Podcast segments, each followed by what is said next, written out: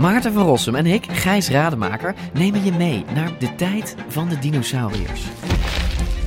Ja, jij vindt het gemene beesten Het gewoon eigenlijk. gemene beesten. Ja, Kijk, kijk naar ze. Beesten zijn niet gemeen.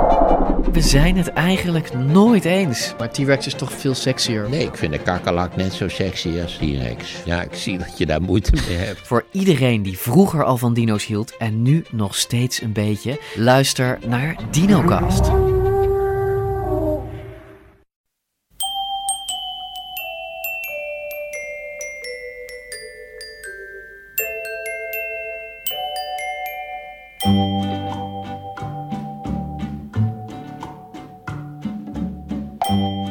Welkom bij aflevering 288 van Echt Gebeurd. De podcast waarin waargebeurde verhalen worden verteld door de mensen die ze zelf beleefd hebben. In deze aflevering een verhaal dat Herman Sandman in januari vorig jaar vertelde toen wij de stad Schouwburg in Groningen aandeden met een verhalenavond rond het thema Onderweg.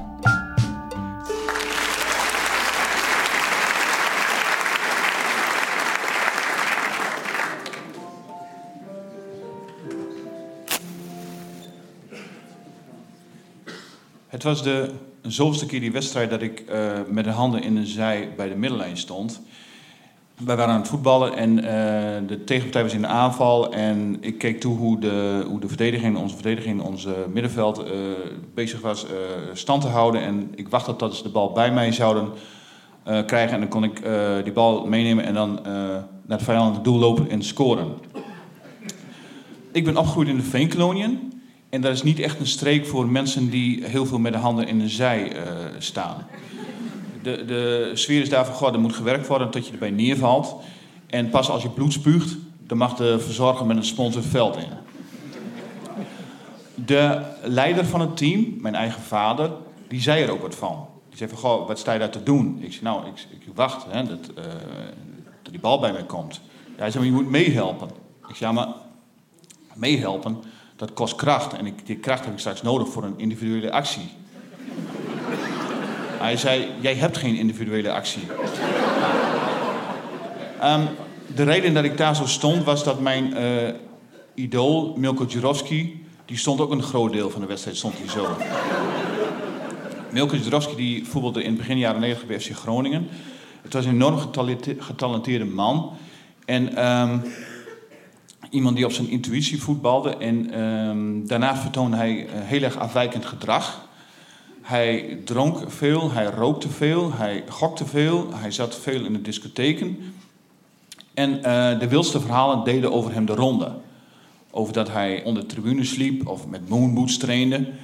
En wat mij daarin aansprak was dat ehm, het zo afwijkend was. Ik bedoel, ik, ik groeide op in de Veenkolonie en daar is alles kaasrecht. En ook de mensen zijn er zo ongeveer kaasrecht. Eh, je wordt daar geboren. Ehm, je gaat naar school, je krijgt er werk. Eh, althans, heel veel mensen krijgen daar ook geen werk.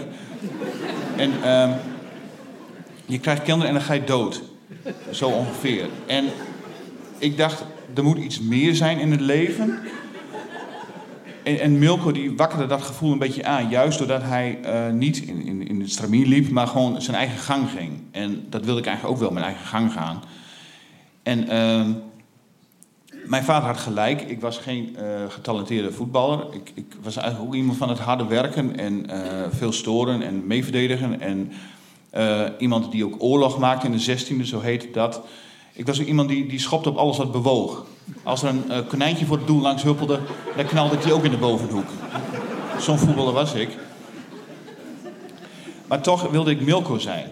Want ik, ik kon het niet benoemen wat hij, wat hij eh, in mij opriep. Maar ik wist wel dat het iets was. Ehm, mijn houding in het veld heeft een paar weken geduurd. Toen zat ik in de tweede. En ik ben ook uit Stadskanaal weggegaan. En ik dacht van, goh, ja, ik, ik moet iets. Ik, eh, ik, ik ga hier niet oud worden. Althans, eh, als alle dagen op elkaar lijken, waarom moet er dan een volgende dag zijn? Wat, wat is het dan? Dus ik, eh, ik kreeg werk bij de, in de drukkerij bij de Winschoten Courant. En later ben ik naar Groningen verhuisd. En ik had heel lang niet aan Milko gedacht. Totdat ik met een vriend bij de Vogels ging voetballen. Dat heet nu FC Stadspark. Ze voetballen ook in het Stadspark. En ik kwam op een gegeven moment achter dat Milko lid was van die club. hij, toen hij uitgekakt was bij FC Groningen, maar ook in de stad, is op een gegeven moment iedereen klaar met uh, mensen die alleen maar met de handen in de zij staan. En toen wilde hij daar zijn conditie op peil houden. En um, dat kon alleen als hij lid werd van de club. En het lidmaatschap had hij nooit opgezegd. Dus wij waren clubgenoten. En ik heb daar een uh, jaar gevoetbald. Daarna gingen de mensen weg en die, die dan, uh, toen was er geen team meer. En ik heb een jaar lang elke thuiswedstrijd met een schuin oog naar de parkeerplaats gekeken. Of daar niet een um, zwarte Opel Calibra het parkeerterrein opdraaide. Met erachter het stuur een kettingrokende Macedoniër met lang haar, ongeschoren uh, hoofd en uh, sigaret door de lippen. En de, uit die tijd in Stadskanaal ben ik ook heel erg geprobeerd heb ik, uh, op hem te gaan lijken. ik had ook heel lang haar, althans ik liet mijn haar ook groeien, ik schoor me niet meer. ik rook en ik dronkte al. En uh, ik ging nog meer roken en drinken en dan word je vanzelf uh, word je wat moe. Waardoor je ook wat uh, gelijkend gedrag als Milko vertoont. Um, wat er nooit gebeurde was dat Milko daar aan kwam rijden. En dat vond ik heel erg jammer, want ik had hem been willen geven om vijf minuten met hem te voetballen. Vijf minuten zo te gaan staan bij de middenlijn. te kijken naar de gepruts achter ons. het is helaas nooit gebeurd. Ondertussen had ik mij uh, ontwikkeld. Ik, was, um, ik ben begonnen in de drukkerij bij de Wenschoten Krant, maar ik las heel erg veel. En um, als je veel leest, dan wil je op een gegeven moment ook zelf gaan schrijven. En dat ben ik ook gaan doen. Dat begon met een stukje, een advertentie, weet je, zo'n stukje voor een, een, adverteerder. En gaandeweg werd het twee stukjes. En toen um, ging ik schrijven voor de sportredactie. En uiteindelijk ben ik bij de Huis- en Huisbladen terechtgekomen. Maar ook dat bevredigde niet, want uh, ja, iedereen weet wat er met huis en huisbladen gebeurt. Die verdwijnen in de kattenbak en waar ik vandaan kom, dan worden ze in repen gescheurd en hangen ze op het toilet. um, en ik, ik wilde toch wel iets blijvends, dus ik ben ook boeken gaan schrijven. Althans, uh, ja, ik weet nooit hoe dat... Uh, op een gegeven moment dan, dan gebeurt zoiets. En ik had het plan opgevat om een boek over Milko Jurovski te gaan schrijven ook dat, ik wist niet of het een heel goed idee was, maar uh, wat, wat meehielp was dat bij de uitgeverij waar ik toen zat, was Lubko Ellen, die had een thriller geschreven. En hij was geholpen door een Servische die in Groningen woonde, Zora. En ik dacht, ah, een Servisch, die spreekt de taal van Milko. Want Milko sprak geen Nederlands, hij sprak zelfs heel slecht Engels. Ja, en mijn Servisch was ook niet meer wat het geweest was. Dus ik had een tolk nodig. Zij vond het een goed idee, ze legde contact via Facebook. En uh, Milko die zei van, nou ja, uh, oké, jij gaat een boek over mij schrijven, uh, prima, leuk, ga ik aan meewerken. En ik dacht van, goh, een voordeel is van als je een boek schrijft over iemand, die ga je ontmoeten.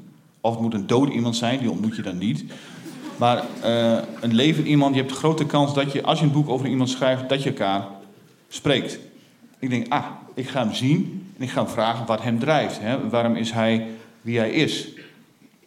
Die gelegenheid kwam uh, sneller dan ik dacht. Want op een gegeven moment kwam een bericht van Zora die zei van... Goh, uh, hij, Milke komt naar Groningen. Ik zei, oké, leuk. Hij wilde kennis maken. En um, dat was voor uh, hij, ging, hij wilde ook een wedstrijd zien. Dat was Groningen-Feyenoord. Die wedstrijd liep uh, op de tribunes heel erg uit de hand... omdat Feyenoord-supporters op de familietribune terechtkwamen. En... Um, ik belde Hans Nijland, de toenmalige directeur. Die zei goh, kun je vrijkaarten regelen? Ja, dat kon. Ik zei, goh, kun je vliegtickets regelen? Nou, dat kon niet.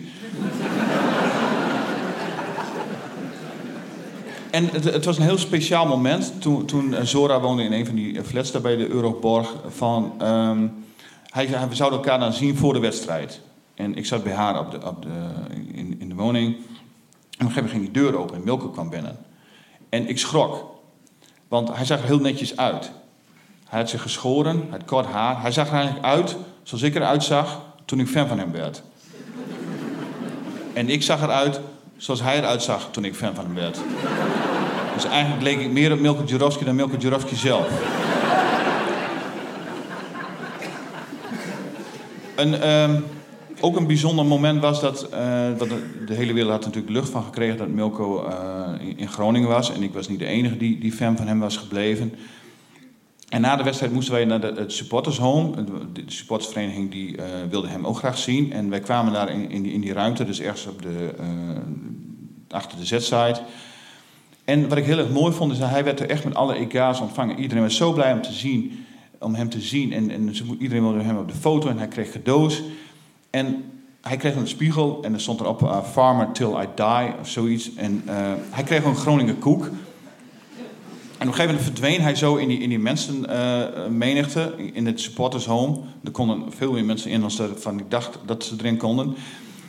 En hij verdween in die menigte en hij had zo'n Groninger koek in de hand. En hij zag mij en zei van, goh, hou jij mijn Groninger koek even vast. En toen dacht ik, goh, belevelen. Hij ziet mij als iemand die zijn Groninger koek, uh, bij wie hij zijn Groninger koek kwijt kan. Want hij wist van, goh, als ik hem aan Herman geef, dan krijg ik die Groninger koek ook weer terug. zij zijn niet heel lang. Hij was met een aantal vrienden met de auto, want de vliegtickets waren ook uh, een beetje te duur. En ze zijn na die wedstrijd meteen weggegaan. Maar ik dacht, dat is niet erg, want we gaan elkaar hoe dan ook zien.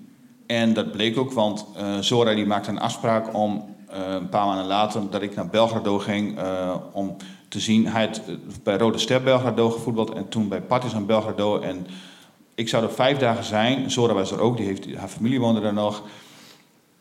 En we zouden daar dan, hij zou mij de stad laten zien, het internaat waar hij dan uh, had doorgebracht, de plekken waar hij had gewoond. En ik denk, nou leuk, hè? ik ga nu horen van hem van uh, wat drijft hem, wie ben, waarom is hij wie hij is. Mijn vliegtuig ging op donderdag, die van Zora ook, een ander vliegtuig. Alleen op woensdagavond, ik stond bij mijn zoontje te kijken bij de training, kwam er een, telefoontje van Zora, Milko, komt niet. Ik zei, hoezo hij komt niet? Ik zei, we hebben afgesproken, we gaan vijf dagen naar Belgrado en daar spreken we elkaar. Ja, maar hij is het niet. Ik zeg, maar waarom is hij niet? Ja, iets met zijn werk. Ik zeg, maar hij heeft geen werk. en dat had hij ook niet, want hij deed iets vaags. Hij volgde een trainerscursus. Um, ik kon uh, links lullen, rechts lullen. Ik, ik weet het niet. Zora wist het ook niet. Zei, ja, ik zeg ook maar wat ik hoor. En ja, de, tickets waren geboekt, dus ik, kon, ik had geen annuleringsverzekering. Dat doe ik meestal nooit. Uh, ik weet niet waarom, maar in dit geval was het heel dom. Uh, ik ben wel naar Belgrado gegaan. Met Sora. Althans, Sora ging apart. En ik voelde me daar niet heel lekker. Ik zou logeren bij, of ik zou het appartement mogen gebruiken van een neefje van haar, Mickey. Dat was in een buitenwijk uh, van Belgrado. En die Mickey die was, die ging samenwonen, die was bezig te verhuizen, die zou er niet zijn. Nou, oké, goed. Uh, maar in Servië, wat de ene dag zo is, is de andere dag niet zo. En haar broer haalde mij op van het vliegtuig, die bracht me naar het appartement en die zei van, nou, Mickey komt zo. Ik zei, hoezo Mickey komt zo? Die zou dat toch niet zijn? Ja, maar nu wel. Het probleem was dat het een heel klein appartement was, met, met, met twee kamers, een woonkamer, een slaapkamer en... Uh, een wc en douche, dus eigenlijk drie kamers. Maar het is echt heel klein. En ik kom uit de Veenkolonie, je ben je ruimte gewend. Uh, althans, je bent gewend om niet de hele dag mensen om je heen te hebben. Ik kan al heel slecht tegen mijn eigen familie. Dus, dus laat staan tegen een wildvreemde Serviër die uh, ook geen Engels sprak. En mijn Servisch was ook nog steeds niet heel goed. Dus ik kon helemaal niet met die jongen communiceren. En wat ik toen deed is uh, mij opsluiten op zijn slaapkamer onder de man van I have some work to do. I have to do some writing. Nou, hij knikt, oké. Okay. Schrijver op visite, dus die zal, die zal wel gaan schrijven. En uh, wat eigenlijk heel flauw was, ik sloot mij op uit die slaapkamer. Ik dacht, ik, ik, ik kan niet communiceren met die man. Dit, dit komt allemaal veel te dichtbij. Nou, Mickey die keek televisie of zo. Ik weet niet wat hij deed, want ik had de deur dicht gedaan. En ik was ook inderdaad een beetje aan het schrijven, maar voor de rest lag ik een beetje filmpjes te kijken en boekjes te lezen. Dus ik ben echt die hele avond ben ik op die kamer gebleven. Het probleem is dat ik ook naar de wc moest. En het was, uh, de wc was tegen die slaapkamer aan. En ik dacht, als ik naar de wc ga, dan heb je wc-geluiden. En dan hoort hij de wc-geluiden van mij. Dus uh, gelukkig ging hij met zijn vrienden uit eten. Vroeg of ik mee wou. Ik zei nee, hij heeft some work to do. En toen hij met uh, zijn vrienden uit eten ging, ben ik snel naar de wc gegaan. Het probleem is, als je moet, dan moet je. Het probleem is, als je denkt van het moet nu, dan lukt het vaak niet. Dus de aandrang was weg. Uh, vraag me niet hoe het gelukt is, maar ik ben naar de wc gegaan. Het is er allemaal uitgekomen. Maar ik voelde mij daar niet heel fijn. En ook de dag erop was, was het niet een hele eh, eh, prettige... eh, ja, ik voelde me echt ontheemd.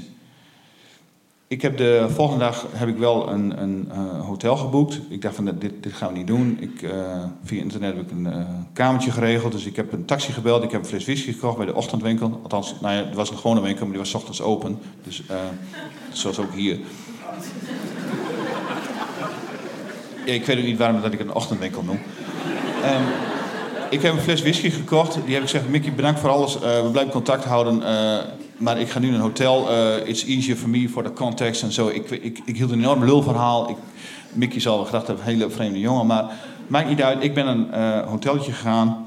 Daar voelde ik mij iets beter. Althans, ik had iets meer ruimte om me heen. Ik kon rustig naar het toilet zonder dat ik moest nadenken over of iemand iets hoorde.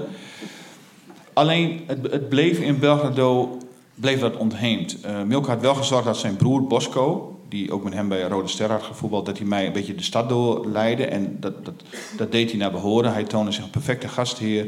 Hij introduceerde mij bij hele beroemde Joegoslavische voetballers. Ik zal die namen niet noemen, die kennen jullie niet. Eh, zeg, maar, zeg maar dat ik met de Kruif, de Johan Neeskens en de Willem van Hanegem eh, gesproken heb. En ook nog met de Louis van Gaal van Servië. Ik kreeg daardoor een beeld van eh, de wereld van Milko, maar niet van Milko zelf. Hij bleef onbereikbaar. Zoals het eigenlijk bij een held hoort. Maar eh, ik had toch graag iets dichter bij hem eh, willen zijn. En ehm, een leuk momentje, of een apart moment was ook... Er was een feestje bij Rode Belgrado. Die club bestond, ehm, ik, weet niet, van 100 jaar of zo. En dan, elk jaar hebben ze dan een feest. Ja, niet elk jaar 100 jaar, maar...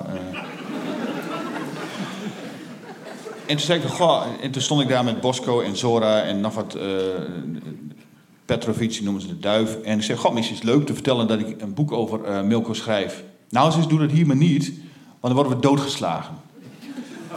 Want het bleek dat Milko had ooit de overstap gemaakt van Rode Ster Belgrado naar Partizan Belgrado. En dat is iets wat je daar niet doet. Het, eh, de, eh, die stadions van de beide clubs staan op een paar honderd meter van elkaar vandaan. En ehm, ja, de, vijandschap is groter dan bij Real Madrid en Barcelona, bij Ajax, Feyenoord. is allemaal tien zo erg. Dus het was niet handig om dat daar te zeggen. Als, als zij met z'n beiden ergens zijn, is Bosco wordt nog steeds toegejuicht, onze held, en Milko wordt bespuugd. Ik zei, nou oké, doen we het niet. Jammer. Het, ehm, ook de dag erop voelde ik mij niet heel goed, want Sora die moest dingen doen met haar familie. En was ook een rot weer daar. Het, het regende, en het regende zo erg dat het zelfs onder de brug regende. Eh, ik zag hon- zwerfhonden die elkaar aan de ballen likten om een beetje warmte te krijgen. En het water van de Sava, dat kleurde echt geel. En ik liep daar door die regen. En, en die stadsbussen daar reden langs mij door dikke plassen. En mijn schoenen werden helemaal nat. En die zout. Ik kon die schoenen nou ook weggooien. Ik dacht, wat doe ik hier? Waarom ben ik hier? Waarom verlaat ik mijn eh lief gezin, mijn vrouw en kinderen? En, en ga ik naar een stad op zoek naar een man die er niet is, die er ook niet zal zijn? Waarom doe ik dat? En terwijl ik daar zo liep, eh, dacht ik van... Mannen, sommige mannen, althans ik, hebben helden nodig. Want helden zorgen voor verhalen. En verhalen doen dromen. En dromen is wat een mens verder helpt in het leven. Ik bedoel, als de gebroeders Wright eh, geen droom hadden gehad... hadden we eh, nu nog steeds op de fiets naar Thailand gemoeten. Maar ik dacht er nog iets anders.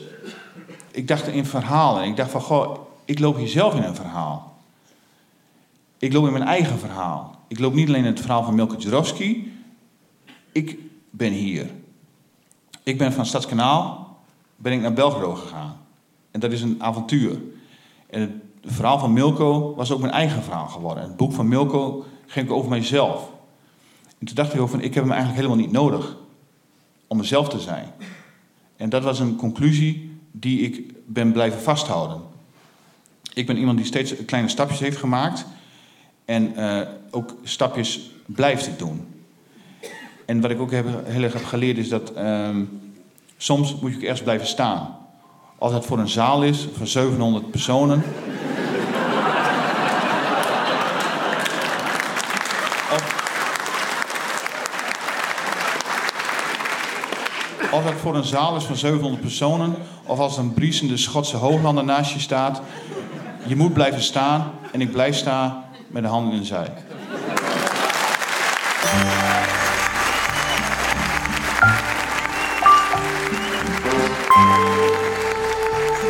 Dat was een verhaal van Herman Sandman. Herman is schrijver en journalist en columnist bij het Dagblad van het Noorden. De verhalenvertellers bij Echt Gebeurd worden gezocht en gevonden door onze redactie, Miga Wertheim, Rosa van Toledo, Maarten Westerveen en mijzelf, Paulien Cornelissen. Onze producent is Eva Zwaving. De techniek voor deze aflevering was in handen van Bram Den Haan. En onze podcast wordt verzorgd door Gijsbert van der Wal. Dit was aflevering 288. Volgende week is er weer een verhaal. En als je deze week weer eens lekker met beide benen op de grond wil komen, zeg dan tegen jezelf: Jij hebt geen individuele actie.